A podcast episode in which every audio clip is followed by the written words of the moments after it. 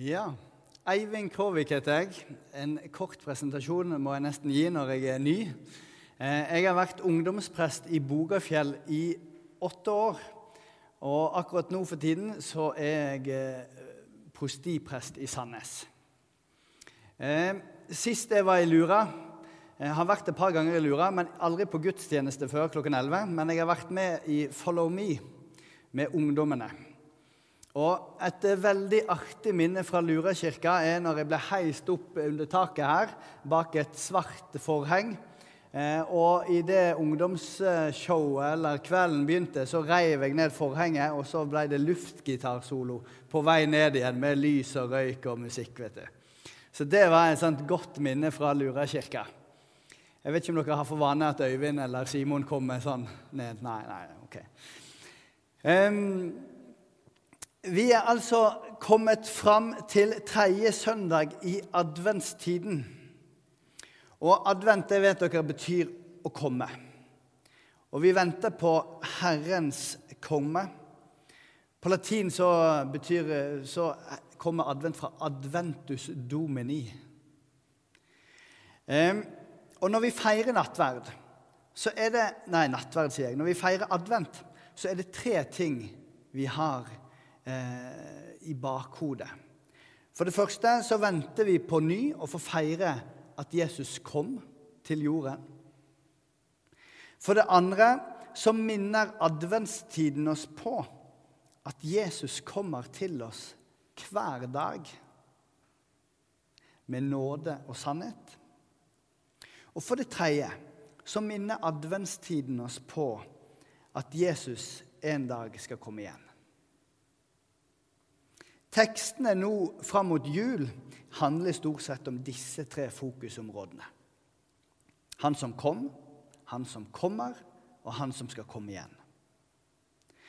Når jeg spør barn og unge spesielt om hva advent betyr, så sier mange en 'å vente'. Og det er jo på mange måter helt rett. Adventstiden er en ventetid. Men det er ikke en passiv ventetid. Det er tvert imot en tid hvor vi er veldig aktive. Vi rydder, og vi organiserer, og vi liksom gir full gass med all slags avslutninger og ting vi skal få gjort før jul. Men adventstiden òg handler om å være aktive i å rydde vei, eller rydde plass, for julens budskap. I dag så handler teksten om Johannes. Og om Johannes så ble det sagt at han rydda vei for Herrens komme. Så jeg skal si litt om Johannes og litt om dagens tekst. Og så skal jeg komme litt tilbake til dette om hvordan vi kan være med og rydde vei for Jesus i våre egne liv. Og hvordan vi kan være med og rydde vei for Jesus for andre mennesker. La oss høre Herrens ord. I fengselet fikk Johannes høre om alt Kristus gjorde. Han sendte bud med disiplene sine og spurte, Er du den som skal komme, eller skal vi vente en annen? Jesus svarte dem, Gå og fortell Johannes hva dere hører og ser. Blinde ser, og lamme går. Spedalske renses, og døve hører. Døde står opp, og evangeliet forkynnes for fattige. Og salige er den som ikke faller fra på grunn av meg. Da de gikk, begynte Jesus å tale til folket om Johannes. Hva dro dere ut i ødemarken for å se? Et siv som svaier i vinden? Nei, hva gikk dere ut for å se? En mann kledd i fine klær? De som går i fine klær, bor i kongens slott. Hva gikk dere ut for å se? En profet? Ja, jeg sier dere, mer enn en profet. Det er om ham det står skrevet. Se, jeg sender min budbærer foran deg. Han skal rydde vei for deg. Sannelig, jeg sier dere, blant dem som er født av kvinner, har det ikke stått fram noen større enn døperen Johannes. men den minste i himmelriket er større enn han. Slik lyder det hellige evangelium. Nå skal vi se om vi kan få opp teksten. Har vi klart det? Ja, se der. Dere skal få litt sånn bibeltimepreg, men vi skal ikke holde på en time. Slapp helt av. Men litt sånn innføring i teksten. For teksten, iallfall første gang jeg leste den, så tenkte jeg denne på en måte sier ikke alt. Eh, I starten av dagens tekst så møter vi altså Johannes, døperen Johannes. Og han sitter nå i fengsel.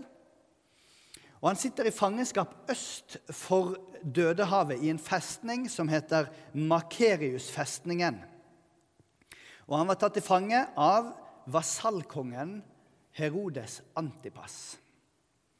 En vasallkonge er altså en konge innsatt av okkupasjonsmakten på den tiden, romerne. Så han hadde på en måte ikke den, det siste ordet i saken. Han ble styrt av romerne.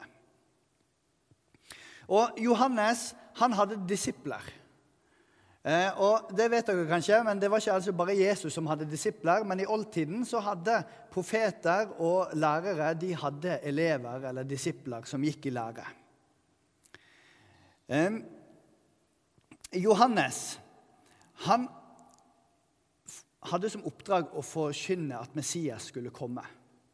Og så hadde han som oppdrag å forkynne omvendelse fra syndene. Og han hadde som oppdrag å døpe folk. Og de to siste som jeg sa nå, omvendelsesforkynnelsen og dåpen, det var for at folket skulle bli klare for å kunne ta imot denne Messias som skulle komme. Og Johannes han hadde en, I sin Messias-forventning så hadde han en sånn sterk domsforståelse. Når Messias kom, da skulle han skille agn fra hveten. Han skulle skille de rettferdige fra de urettferdige. Og Så sitter han her i fangenskap, og så begynner han å lure. For han hører jo hva denne Jesus holder på med. Hva i all verdens dager er det som skjer her? Han, han driver jo ikke og dømmer folk. Han holder på med litt andre ting. Er han egentlig den som skulle komme? Så da sender han altså disiplene sine ut. Så kommer de til Jesus, og så stiller de dette spørsmålet fra Johannes. Er du den som skal komme, eller skal vi vente en annen? Og så sier Jesus til dem skal, dere skal fortelle Johannes det dere ser sjøl, og det dere hører. Og så kommer han med en liten sånn smørbrødliste. da. Blinde ser og lamme går. Spedalske renses og døve hører. Døde står opp, og evangeliet forkynnes for fattige. Og alle disse tingene her de har en forbindelse til Skriften og Det gamle testamentet. Han, på en måte hadde det vært lettere hvis han sa liksom, 'Ja, jeg er Messias'. Men det var kanskje andre på den tiden uten at jeg vet det sikkert, da, som kunne også finne på å si 'Jeg er Messias'. Mange kan jo lett si det. Men det Jesus gjør her, er at han henviser til Skriftene.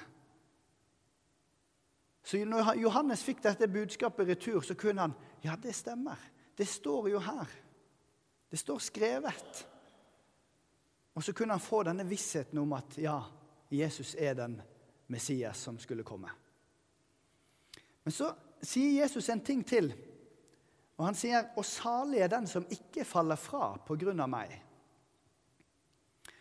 det, det, det, kunne betydd flere ting, men det som mest sannsynlig tolkningen av akkurat de ordene der, det er at Jesus vet jo hva som venter for Johannes.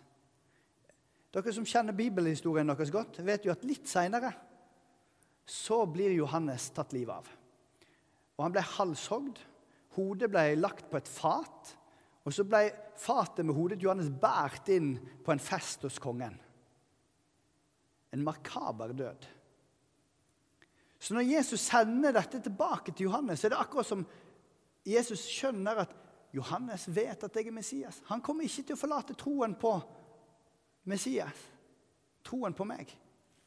Og så sier han utrolig sterkt, egentlig, og salig er den som ikke faller fra. Det er som han sier til Johannes. Ja, løftene gjelder deg òg, Johannes, selv om du snart skal dø.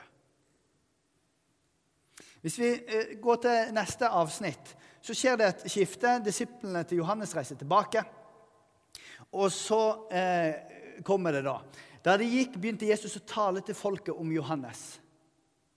Og så kommer disse rare tingene. Hva dro dere ut i ødemarken for å se? Et siv som svaier i vinden. En mann kledd i fine klær. Her stiller Jesus døperen Johannes opp mot Herodes Antipas, som var rake motsetningen til Johannes. Han vaia i, i, i, i vinden. Sant? Han var styrt av romerne. Og Herodes han gikk jo i fine klær. Men døperen Johannes, selv om det kosta han livet, så forkynte han budskapet han var sendt for å gjøre. Og kledningen til Johannes var jo kamelkappe. Litt sånn shabby fyr. Men det var han de reiste ut for å høre på, fordi han hadde en integritet. Han var mer enn en profet. Det Jesus videre gjør her, det er at han, han plasserer Johannes på akkurat det stedet i historien i skillet mellom den gamle pakt og den nye pakt. Jeg leste i en kommentar at vi kunne sammenligne Johannes med Moses. Moses han leda israelsfolket ut av Egypt, og så gjennom hele ørkenen. Og så kom de til det lovende land, men så fikk han ikke bli med inn. Og Johannes han på en måte er litt lik. ikke sant? Han, han forteller om Messias som skulle komme. Men han får ikke lov til å bli en av disippelflokken til Jesus som kunne forkynne videre etter at Jesus reiste opp igjen til himmelen, om han som kom til oss med verdens frelse. Johannes er en sånn mellomposisjon. Um, hvis vi da tar vekk teksten der igjen Vi som sitter her i Lura kirke vi går i en direkte linje tilbake til disiplene til Jesus. ikke sant? Disiplene til Jesus de fikk i oppdrag gå ut og forkynne evangeliet til alle folkeslag. Og så sitter vi her ganske mange år etterpå, og så har vi samme oppdraget. Vi som lever i dag, vi er en del av den nye pakt. Vi følger veien. Vi følger Jesus. Men det er jo noe vi kan lære av Johannes. For adventstiden har litt sånn Johannes over seg. For vi er satt òg i dag til å rydde vei for Jesus i eget liv og for andre mennesker. Vi, vi skal få lov til å forberede hjertene våre nok en gang på å ta imot julens budskap om Jesus som kom til frelse for alle mennesker.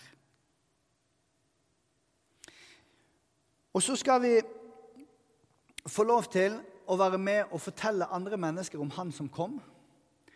Men ikke bare kom Han, men han kommer jo til oss hver dag med sin nåde, med sin tilgivelse og med sin kjærlighet. Seinere i gudstjenesten så skal vi feire nattverden. Den mest konkrete måten Jesus kommer til oss uke etter uke. Og så har vi et tredje oppdrag. Det er at vi, vi, har fått et oppdrag i å få lov til å håpe og leve i håpet om Han som en dag skal komme igjen. Og så skal vi få lov til å være sammen med Han i herlighet. Og så er vi på en måte blitt håpsbærere ut i vår verden og ut i vår virkelighet.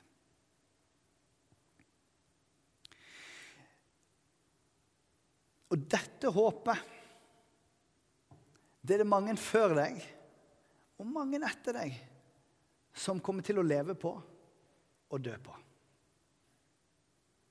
Salig er de som ikke faller fra.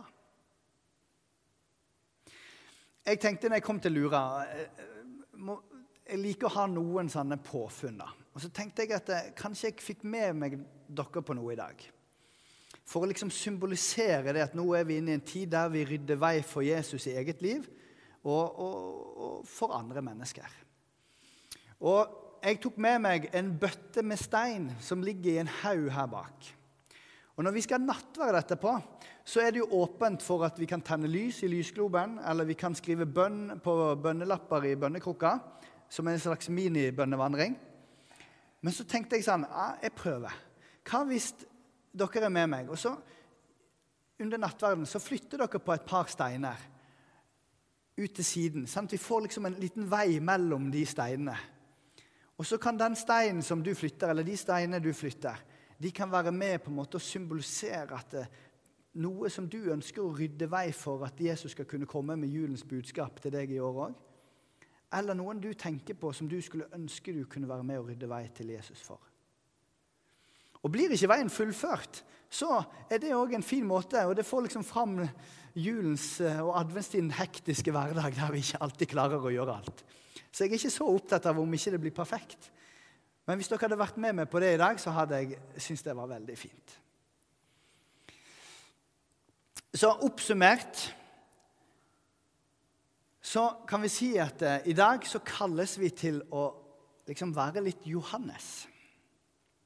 Vi er kalt til å rydde vei for Herrens komme i eget liv og for andre, sånn at vi kan ta imot Han som kom, Han som kommer, og Han som en gang skal komme igjen.